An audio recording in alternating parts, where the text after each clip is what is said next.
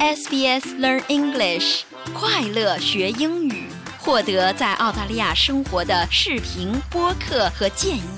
sbs 点 com 点 au 前斜线 Learn English。您好，您现在收听的是 SBS 中文普通话节目的播客内容，我是 Helen。今天我们要为您带来的新闻是关于澳大利亚金融监督机构受到投诉数量创下新高的新闻。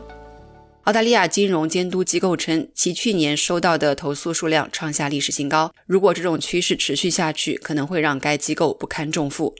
澳大利亚金融投诉局 （AFCA） 在2022年至2023年期间，收到了来自消费者和小企业的十万多份投诉，同比增长百分之二十三。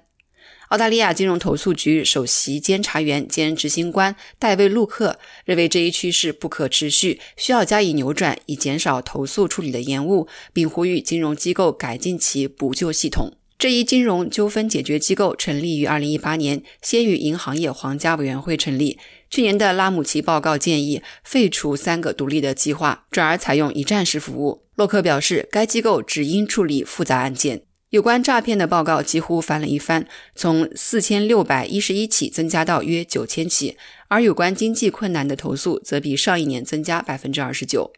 洛克在一份声明中说：“上报到澳大利亚金融投诉局的投诉量一直在以不可持续的速度增长，这些投诉依然是我们非常关注的问题。我们也看到了利率上调和生活成本压力的影响，涉及经济困难的投诉也明显增加。”而最多的投诉集中在个人交易账户上，有一万六千零二十八起；其次是信用卡一万两千一百二十四起，车辆综合保险九千五百六十五起，房屋建筑保险八千零七十三起和住房贷款七千三百六十一起。当澳大利亚金融投诉局对五大问题进行研究时，发现未经授权的交易是投诉量最大的问题，其次是理赔延迟、服务质量、理赔金额和拒赔。一个好消息是，澳大利亚人在投诉后获得了超过三点零四亿澳元的赔偿和退款，比上一年增加了百分之三十八。但洛克表示，投诉总体呈下降趋势，金融机构需要更好地为客户提供支持，并在内部快速有效地处理投诉。他说：“我们认为许多金融公司可以在其内部投诉流程中更好地处理投诉，这样只有最复杂的案件才会被提交到澳大利亚金融投诉局，而这正是我们应当扮演的角色。”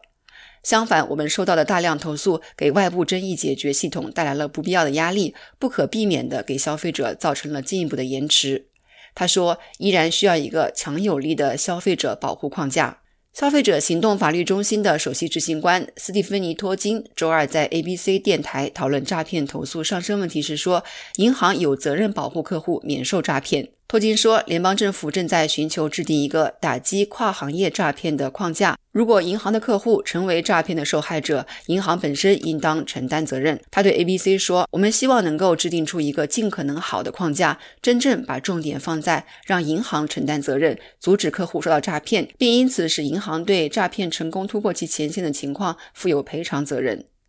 澳大利亚银行业协会的发言人指出，去年十一月，澳大利亚银行业协会与社区银行协会联合宣布了诈骗安全协议。澳大利亚银行业协会的发言人在一份声明中告诉 SBS 新闻，该协议的核心是在收款人确认方面进行全行业范围的一亿澳元的投资，并将在全国每家银行、建筑协会和信用社推广。该协议还包括大幅扩大整个行业的情报共享。到2024年中期，所有银行都将根据澳大利亚金融犯罪交易所提供的诈骗情报采取行动，并加入诈骗报告交流中心。该发言人表示，银行的内部纠纷解决系统非常健全，多数投诉都得到解决。